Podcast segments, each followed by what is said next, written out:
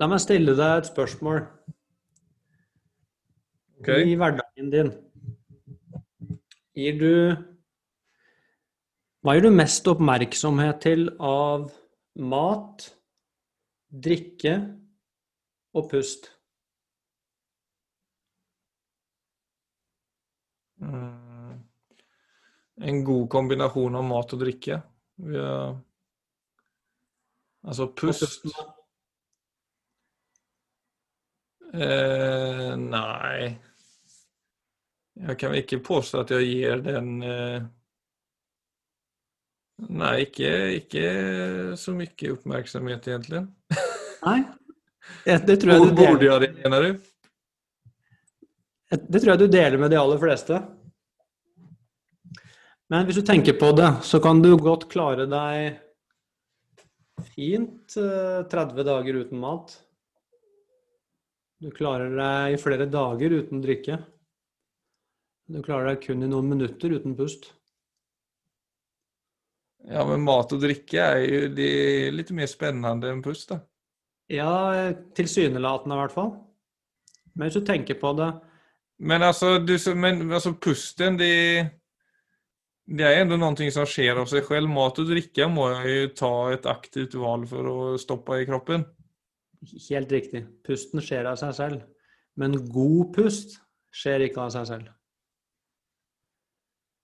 Hvis du tenker over det, Philip, hva er det egentlig du gjør når du puster? Hva er, hva er funksjonen til pusten? Eh, ja, det er vel å Altså, det er jo Vi trenger jo oksygen for, å, for at dette, denne organismen skal fungere, men det er jo Det er også forbundet med våre følelser, så klart. Altså Puster vi godt og dypt og trygt, så er det jo for at vi har det bra ofte, men puster vi kortere, så er det jo ofte for at vi skydder oss mot et eller annet. Det er akkurat det. Det er altså den viktigste maten til cellene våre, oksygen, den henter vi inn via pusten. Så på én måte så er det å puste en form for å spise. Det er den kvalitetsmaten som cellene trenger.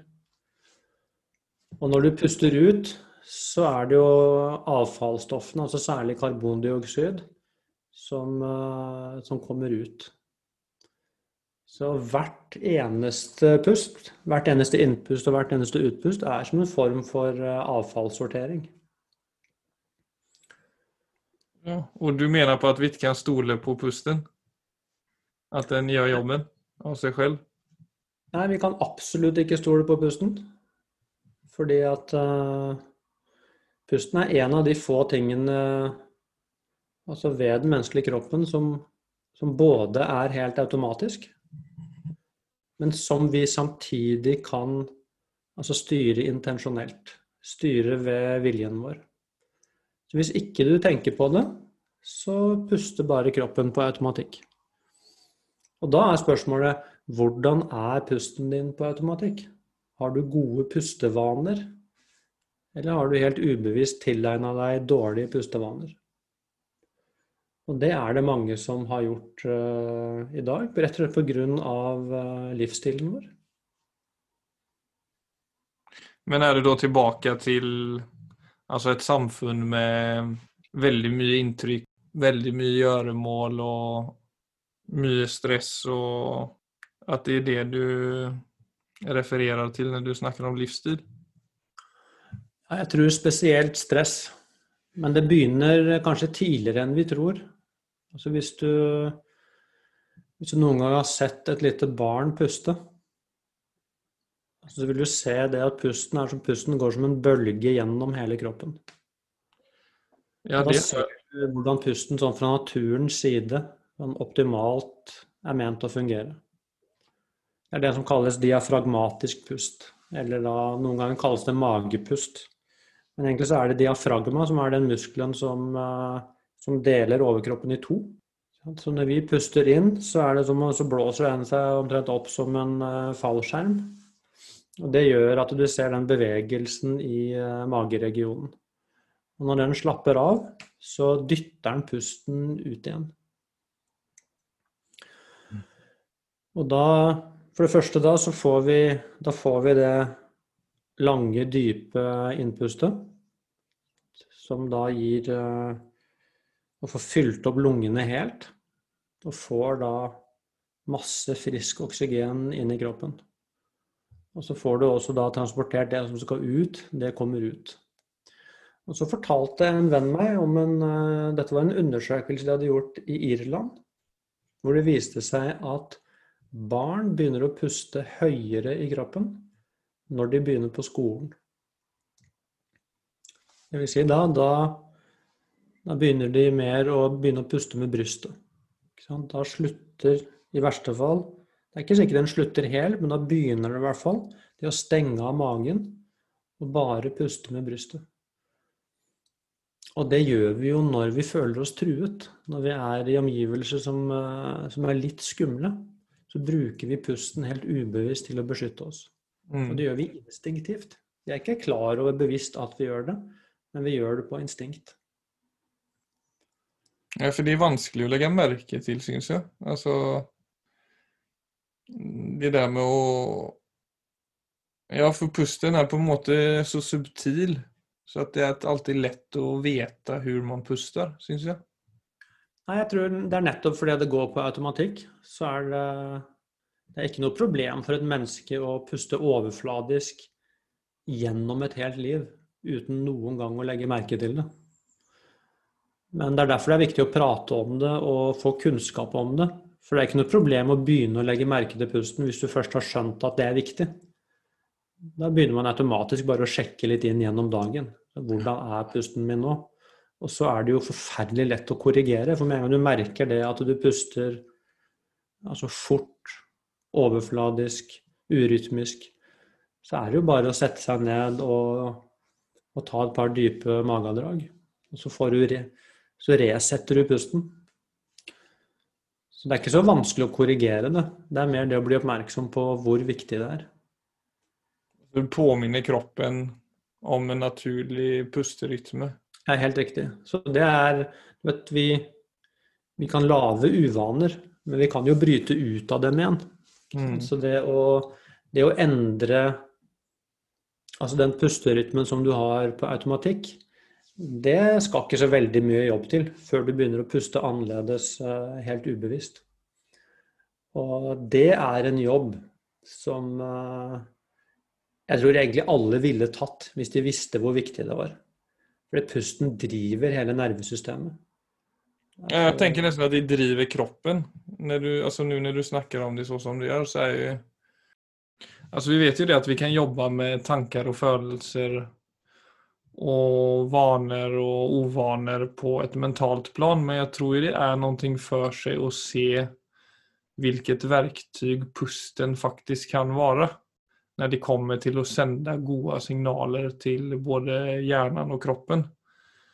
Og bare det faktumet at når vi puster med brystet, så vil vi jo hele tiden også sende ut en liten dos med stresshormoner som ju ofta gör att vi undermedvetet får liksom fornemmelser av både oro og rastløshet. Ja, i høyeste grad. Fordi at det er eh, Altså hvis man går rundt og puster eh, fort og overfladisk, eh, stort sett gjennom hele dagen, som faktisk veldig mange mennesker gjør, så forteller du egentlig altså hjernen din gjennom pusterytmen din at du er i fare.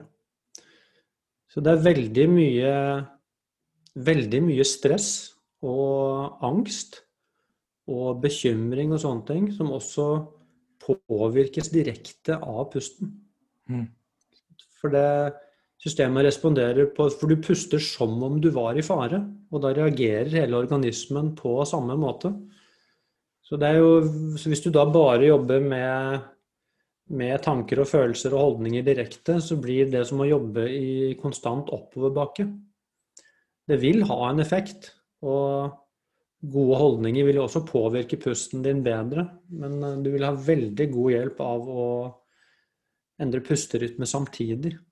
Men hvis vi opplever stress eller eh, har mentale påkjenninger og vi ikke har bevisstgjort vår pust, altså at vi ikke har lagt merke til hvordan vi puster, mener du da at det, utes, at det liksom uteslutende er så at vi har en dårlig pust? da? Nei, ikke nødvendigvis, men det er klart hvis uh, Det er veldig mange som har en, du kan si, en dårlig baseline-pust.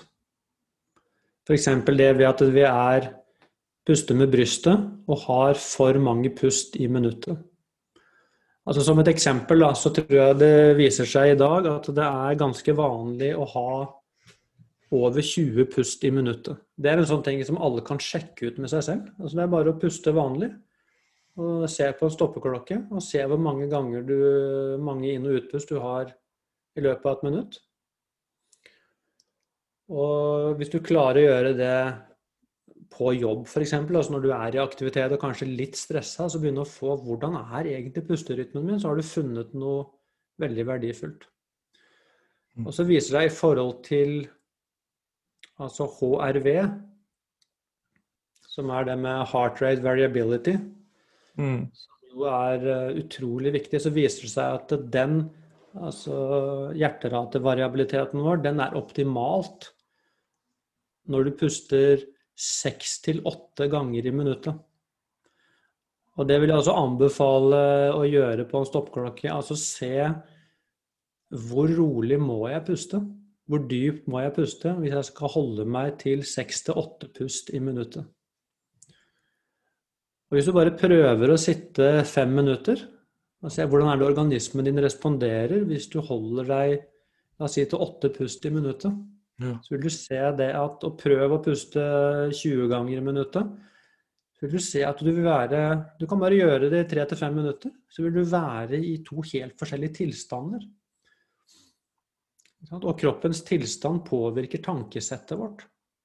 Så når du er Når du puster fort, så vil du se det at du er mye skjørere i systemet. Det er mye lettere da Det er akkurat som da du har lettere tilgang på bekymringstanker og dårlig selvtillit og usikkerhet og sånne ting. For det er akkurat som du mister basen din når du puster så fort. Mm. Mens i motsatt fall, når du sitter og puster rolig, så er det akkurat som om du sitter, ah, du sitter, som, sitter som et fjell. Og det er et annet tankesett som er knytta til den tilstanden.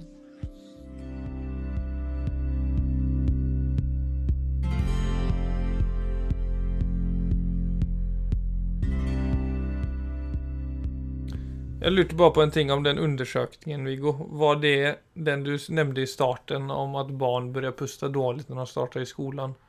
Er dette noe nytt? Altså noe som eh, måler opp en bild på hvordan det er i dag, eller er det noe som har liksom vært generelt med skolegang? Ja, Det kan man jo bare spekulere i.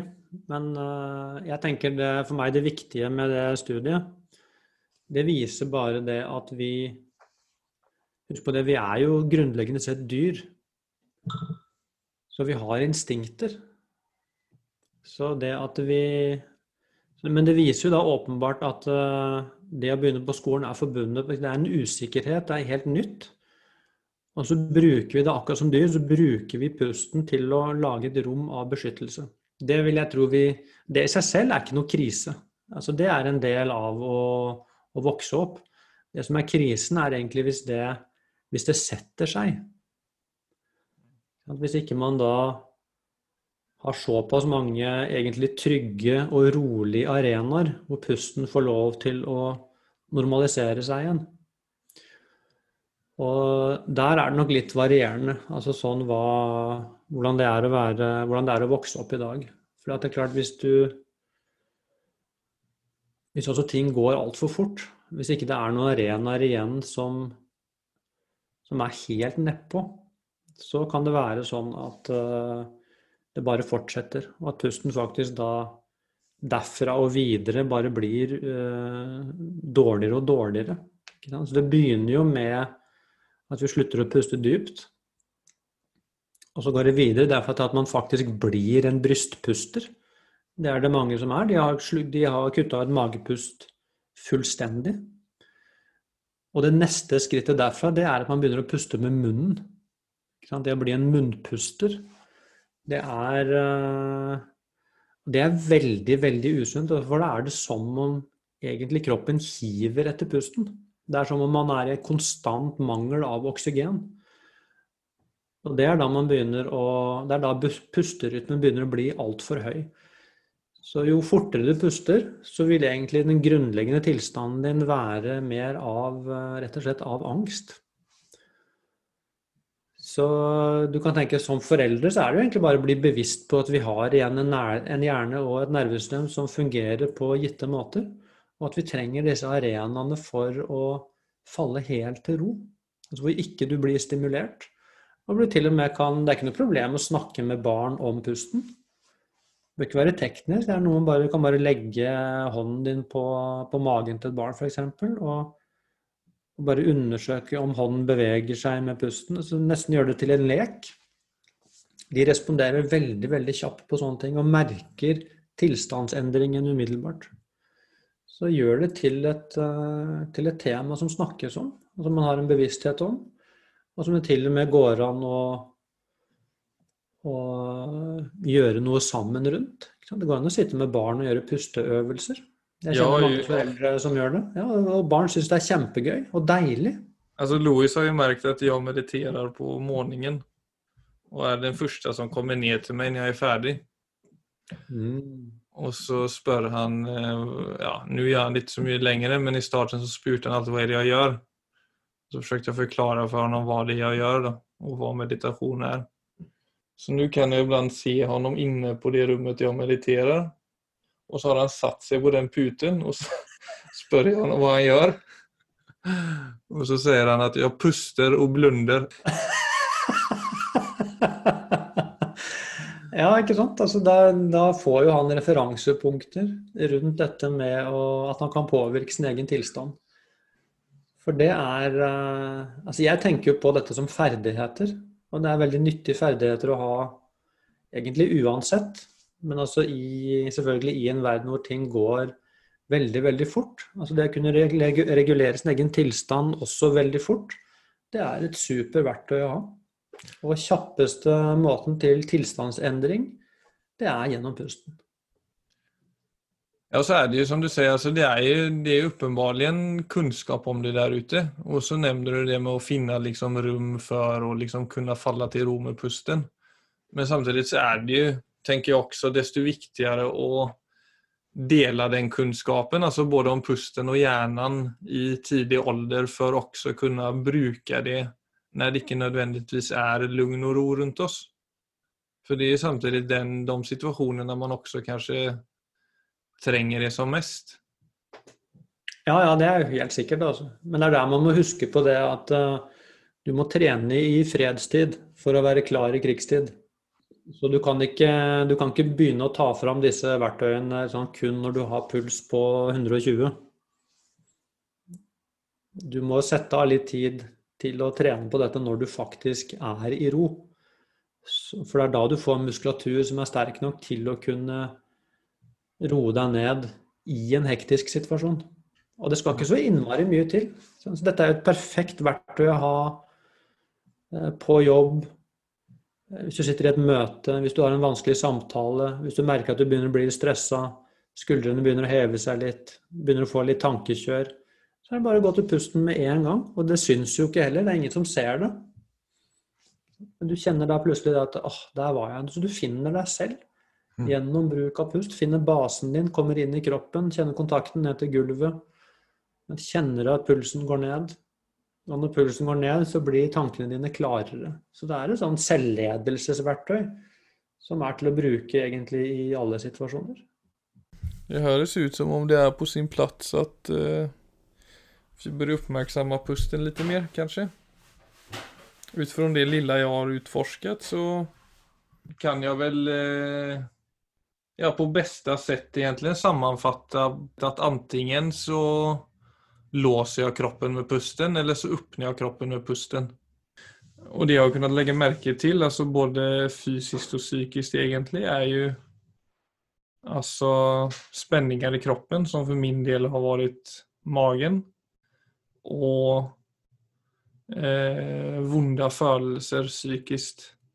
Och varje gång jag då har pustet kort så er det precis som om kroppen har skapat motstånd mot det jeg erfarer og faktisk bare gjort det verre. I motsetning til om jeg da pustet godt og djupt over tid spesielt, så har det kunnet gi utrymme for nye känslor, nye tanker og gitt kroppen mulighet for å få släppa på en del spänningar. Og så har det også blivit veldig tydelig å se den forbindelsen mellom kroppen og psyken når man jobber med pusten. Og hvordan de hele tiden påvirker hverandre. Så pusten er jo på sett og vis en brygge mellom kroppen og psyken.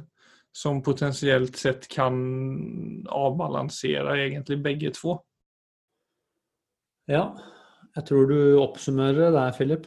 Jeg tror det er en ganske god innfallsvinkel å se det at uh, altså enten så er kroppen åpen eller lukket. Og det kan vi faktisk styre med pusten vår.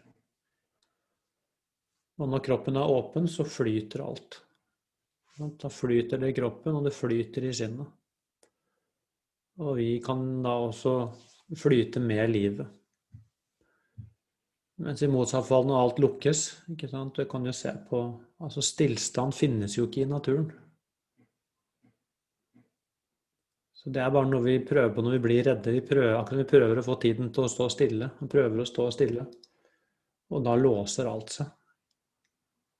Og vi vet alle hvordan det erfares. Altså det er uh, ikke noe deilig. Så det er fryktelig enkle prinsipper. Og det er ganske enkelt egentlig å, å ha, få de ferdighetene til å bruke pusten på en eh, Sånn at den blir en, altså en følgesvenn. Noe som du uh, har et godt forhold til, som du kan bruke når det trengs, og som du tar vare på innimellom gjennom dagen. Det er jo veldig enkelt. Og veldig effektivt. Veldig effektivt.